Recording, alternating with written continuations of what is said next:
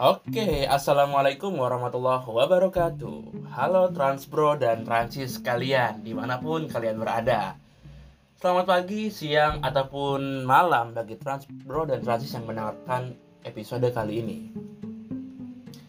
Eh, Sebelum kita mulai Alangkah baiknya Gimana nih kabar kalian nih? Semoga kabar kalian dalam keadaan sehat Dan selalu bersemangat dalam menjalani aktivitas sehari-hari Nah, kali ini di episode kita akan bahas soal TOD lagi nih. Tapi alangkah baiknya sebelum ke materi kita ya review apa sih ulang-ulang lah e, pembahasan tantangan dan permasalahan dalam mengimplementasikan TOD di Indonesia. Nah itu kayak gimana sih? Yuk kita masuk yuk. Oke, ini seru nih kita bahas TOD lagi nih ya. Mantap nih. Ya kalau ngeliat sekarang-sekarang nih TOD kan lagi nih ya, apa namanya lagi nge-booming ya di Indonesia nih ya. Uh, gara-gara adanya pusat jadi transit itu juga mempengaruhi kawasan sekitarnya dan ujung-ujungnya pengen bikin hunian atau daerah gedung super block atau apalah sebutnya mixed use gitulah ya.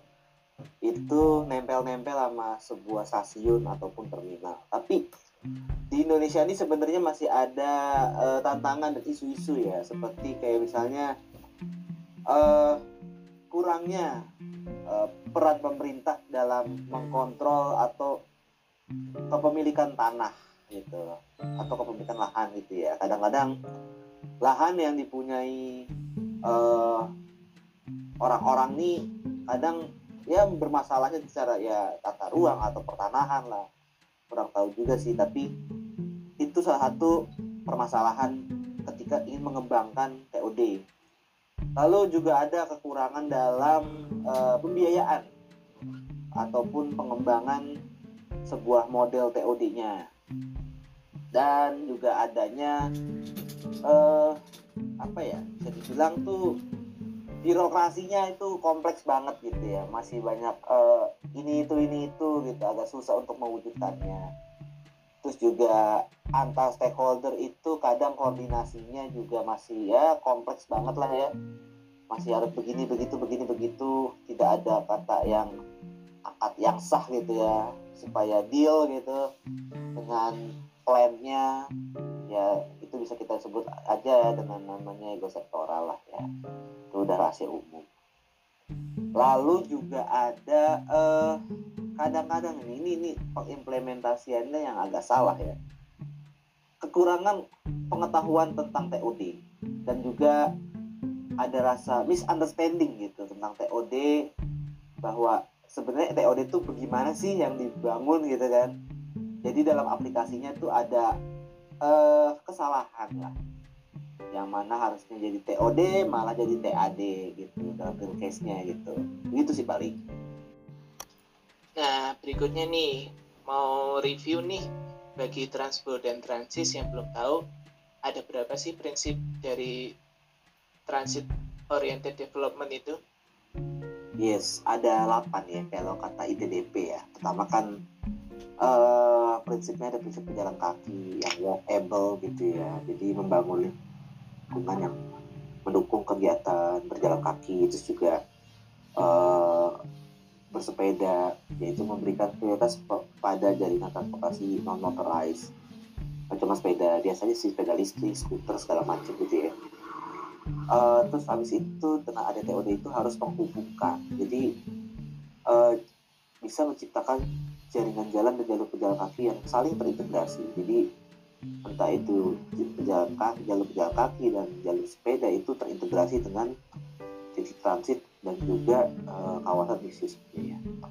Lalu yang pastinya ada moda transportasi umum dan penempatan pembangunan TOD itu ya harus ya di dekat-dekat jaringan transportasi umum ya, massal gitu seperti stasiun, uh, terminal dan ataupun halte-halte yang dianggapnya penting gitu ya.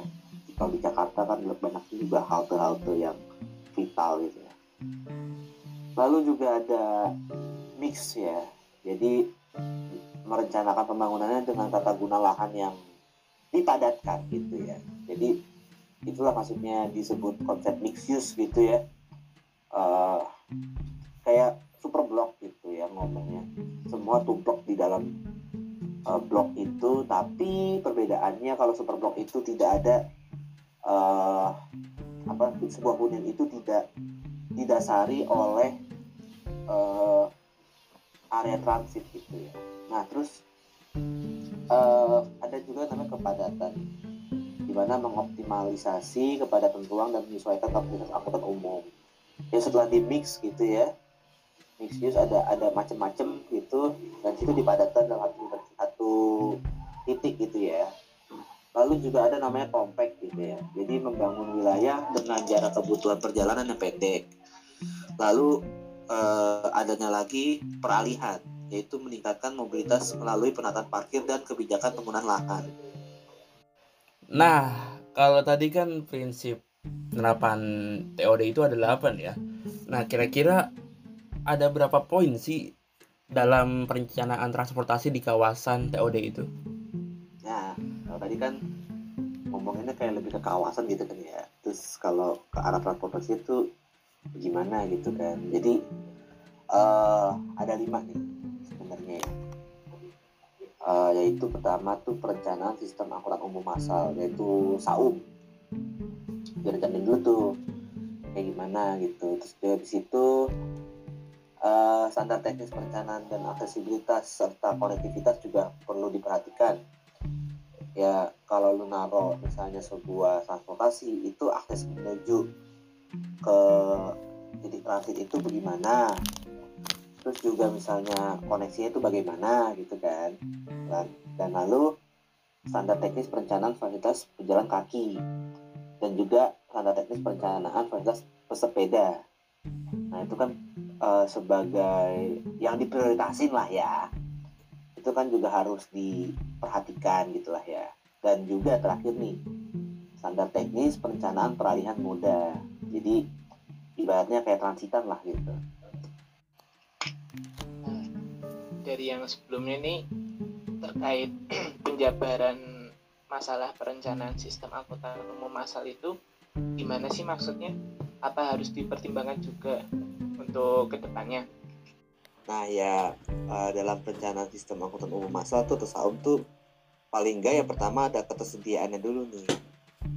Gak baru adanya uh, terkait dengan integrasi integrasi antar moda ataupun integrasi sesama antar rute gitu lah ya seenggaknya ada dulu nih sebagai secara uh, fisik nanti integrasinya itu gampang lah gitu nah pertama tuh ada jenis saum gitu ya.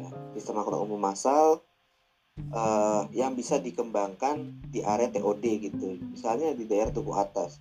Saumnya apa? Oh ada KRL ada kereta bandara ada LRT Jabodebek ada MRT ada TJ itu saumnya. Uh, baru ter terkait dengan integrasi baik itu secara sistem pembayaran, uh, tarif ataupun kawasan ataupun fisiknya itu nanti gitu. Lalu yang paling utama lagi nih ada namanya frekuensi. Nah, hal tersebut terkait dengan intensitas moda transportasi dalam pengangkutan penumpang nih. Ya kalau misalnya demandnya tinggi, frekuensinya juga harus rapat dong gitu ibaratnya kalau bahasa lama tuh selaknya rapat nggak jauh gitu ya kayak koridor satu gitu daerah-daerah koridor satu gitu kan tuh selaknya rapat tuh nah begitu juga kalau di KRL ya harusnya selaknya rapat sih untuk KRL Bekasi.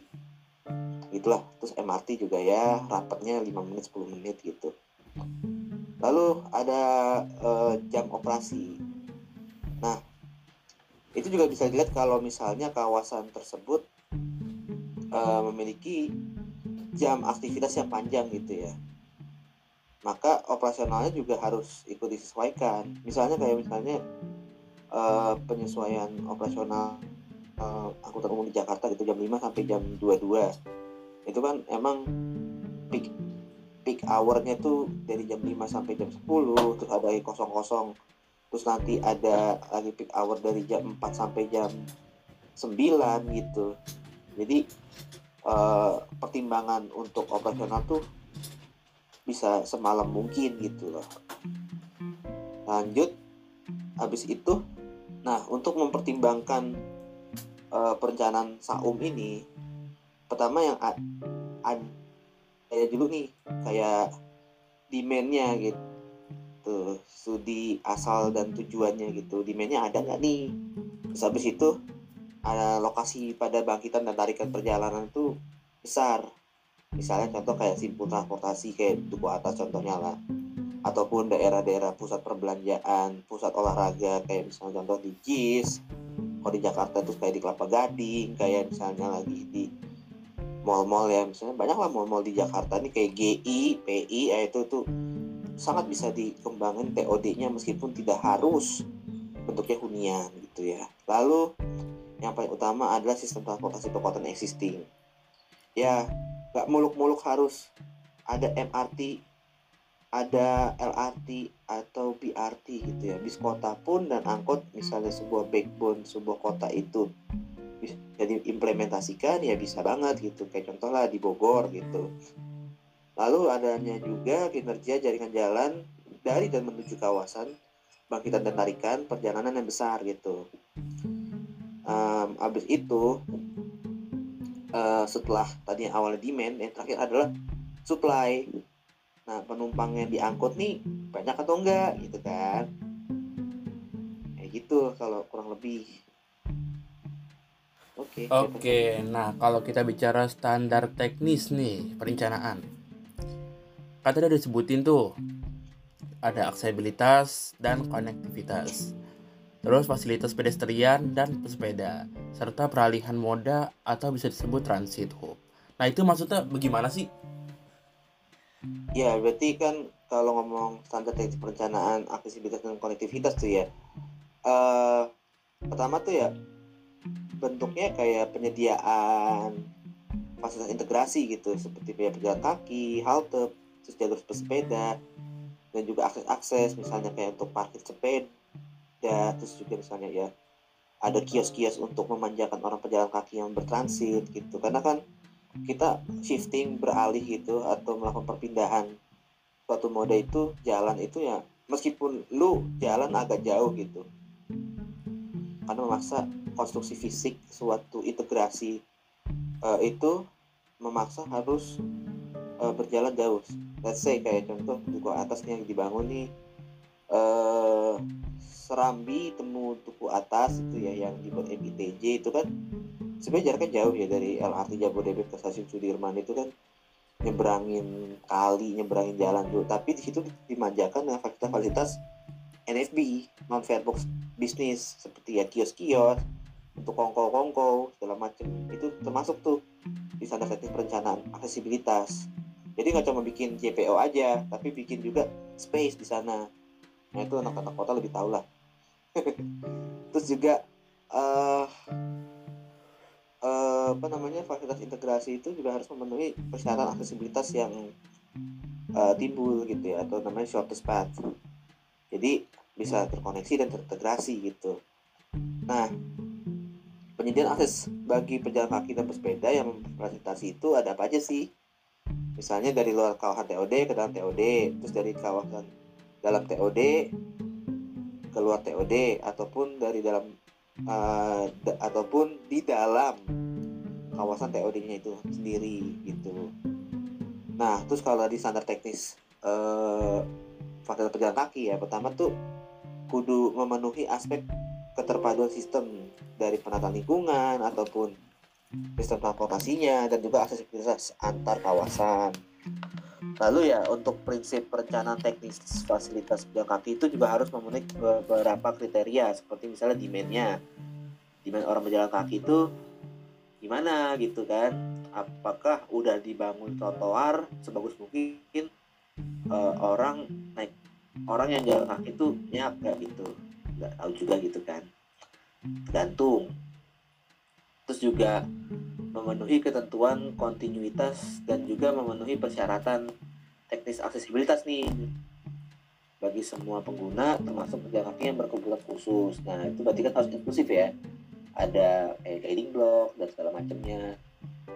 lalu untuk uh, pemilihan material gitu ya itu juga harus memenuhi syarat syarat-syarat keamanan di mana si trotoar itu nggak boleh licin gitu itu sebenarnya sih uh, gabungan-gabungan antara ini ya. Kalau dilihat sih kayak gabungan antara uh, prinsip-prinsip uh, macam-macam gitu. Terus digabungin dalam satu kawasan TOD gitu. Terus juga ada lagi kelengkapan fasilitas pejalan kaki.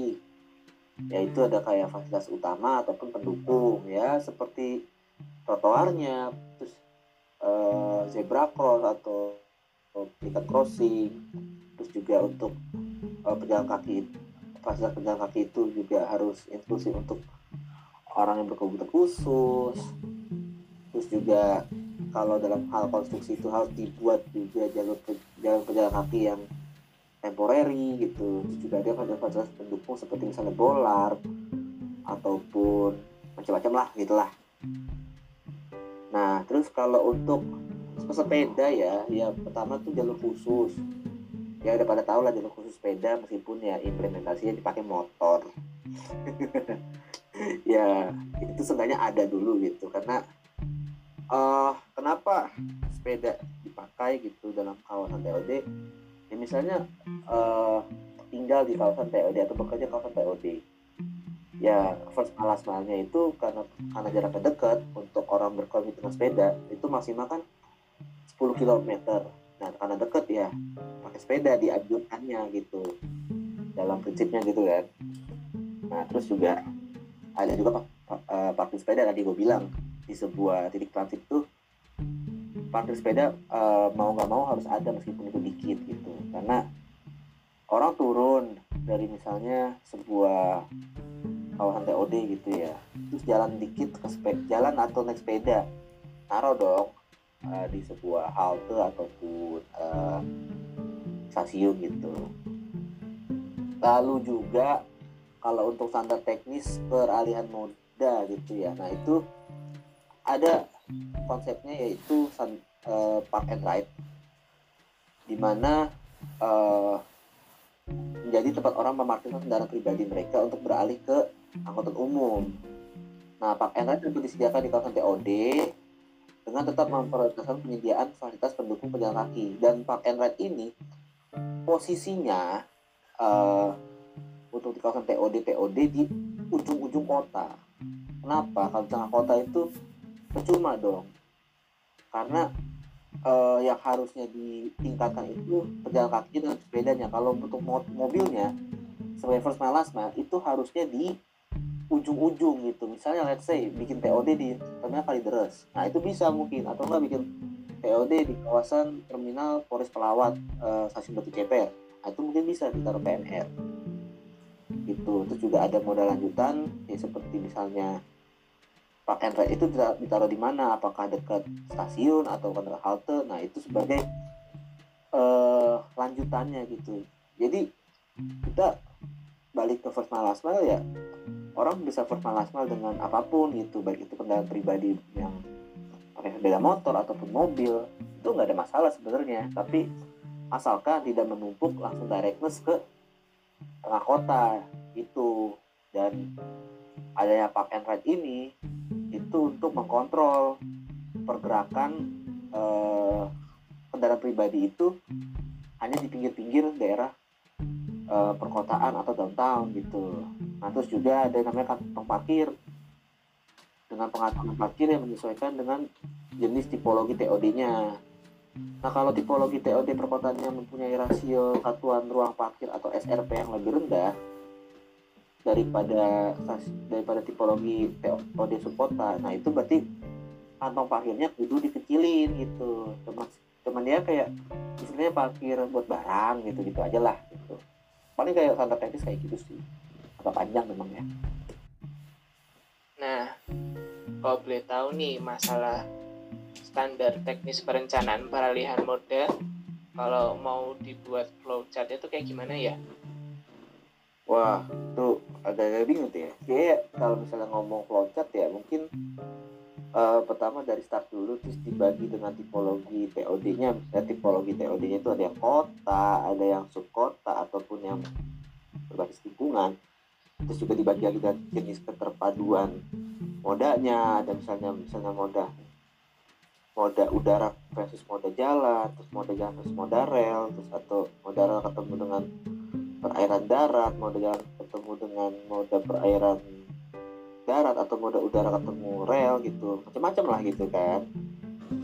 Terus habis itu juga ada jenis perjalanannya dibagi lagi. Kayak misalnya ada komuter ataupun perjalanan industrial. Karena uh, kalau komuter pasti kan orang yang dibawa. Kalau industrial pasti barang. Itu logistik dan transportasi penumpang tuh uh, 11-12 lah. Tapi jangan selalu dibebankan bahwa yang diutamakan itu adalah uh, orang doang. Ternyata logistik juga perlu. Lalu di bawahnya lagi kalau di floater lagi ya bisa dibilang ada namanya karakteristik demand yaitu dibagi dengan jumlah perjalanan dan juga persepsi layanan nah untuk jumlah perjalanan seperti apa misalnya kayak desain dan ukuran area perpindahan moda yaitu secara dari hal kuantitasnya ya. Itu kalau persepsi persepsi per, persepsi pelayanan itu berarti lebih ke kualitasnya gitu. Misalnya tingkat pelayanan fasilitas perpindahan tuh seperti apa ya itu ujung-ujungnya ke SPM gitu standar pelayanan minimum. Lalu menjadilah uh, jadi hasil akhir yaitu desain fasilitas perpindahan moda begitu Oke, sekarang kan lagi gencar-gencar banget nih pembangunan kawasan TOD. Kira-kira take away point yang kita bisa ambil dari bahasan ini apa? Uh, take away pointnya mungkin ya uh, seperti kesimpulan gitu ya. Uh, TOD itu ada banyak kayak uh, kompleks pastinya kan gitu TOD itu kompleks terus juga tiga dimensional multi aspek dan multi sektor dan juga memerlukan pendekatan terintegrasi dan dan juga komprehensif. Sehingga harus memiliki kayak akuisisi dan on technical knowledge dan juga ada best practice. Jadi semua itu butuh practice yang uh, terbaik dari benchmark suatu negara, suatu kawasan di negara lain yang disesuaikan dengan kondisi di sini. Ya semua itu trial and error. Gitu. Lalu uh, eh, TOD memiliki potensi dan tantangan uh, yang sangat kompleks ya terutama pada hal stakeholders atau stakeholders juga aturan-aturan yang berlaku itu suka beda-beda dan juga mekanisme pelayanan itu persepsinya beda-beda sama kayak tadi yang sebelumnya disebutin ya jadi uh, takeaway pointnya harus mau menjembatani dan jadi platform maker. Dan juga TOD umumnya masih misunderstood sebagai insentif driver dan juga uh, immediate uh, profit making yang seharusnya itu sebagai uh, jadi agent of change ataupun regenerator kawasan. Dan itu bisa menghasilkan nilai tambah suatu kawasan dan juga kenaikan value property. Nah itulah makanya ada kekurangan misunderstoodnya. Lu bikin TOD dalam konsep properti tapi salah kaprah. Nah itu kan bisa mempengaruhi nilai tambah kawasannya itu jadi berkurang. Kenapa? Orang pengen tinggal di situ emang dekat stasiun tapi akses untuk keluar masuknya di gang ngapain gitu? Emang gue juga nggak butuh mobil gitu. Kayak gitulah kayak misalnya di stasiun-stasiun TOD LRT contoh ya. LRT Jabodebek ya kayak gitu gitulah nah terus juga perlunya paradigma uh, shift dari project approach menjadi TOD manager, organizer dan juga urban transformator. Di sini juga uh, adanya peran menjadi leader kawasan untuk kepentingan umum bukan hanya satu pihak gitu. Jadi lu bikin kawasan TOD ini eksklusif hanya buat uh, dia dia doang atau inklusif untuk seluruh orang umum ini ada hal properti juga masih sih lalu yang terakhir itu adalah pemeran pemerintah atau pelaku TOD yang perlu akses pada lahan dan kontrol pada harga. Nah ini, ini yang penting. Jangan kita bikin stasiun tiba-tiba harga juer. Padahal belum dibangun kawasan TOD, belum ditata. Nah itu harus ada pengkontrolan harga.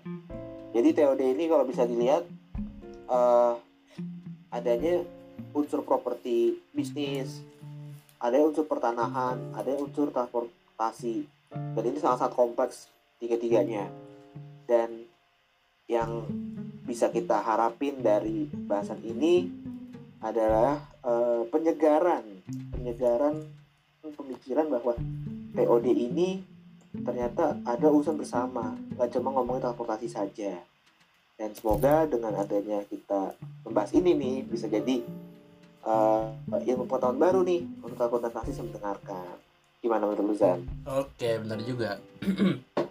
Semoga dengan eh, Transpro dan Transis mendengarkan episode kali ini menambah ilmu pengetahuan dari Transpro dan Transis dan juga bermanfaat. Gimana kal? Eh, kita lanjutin atau kita tutup nih? tutup aja lah ya Oke. Kayaknya udah cukup nih Iya, oke. Terima kasih yang sudah mendengarkan. Selalu jaga kesehatan. Wassalamualaikum warahmatullahi wabarakatuh.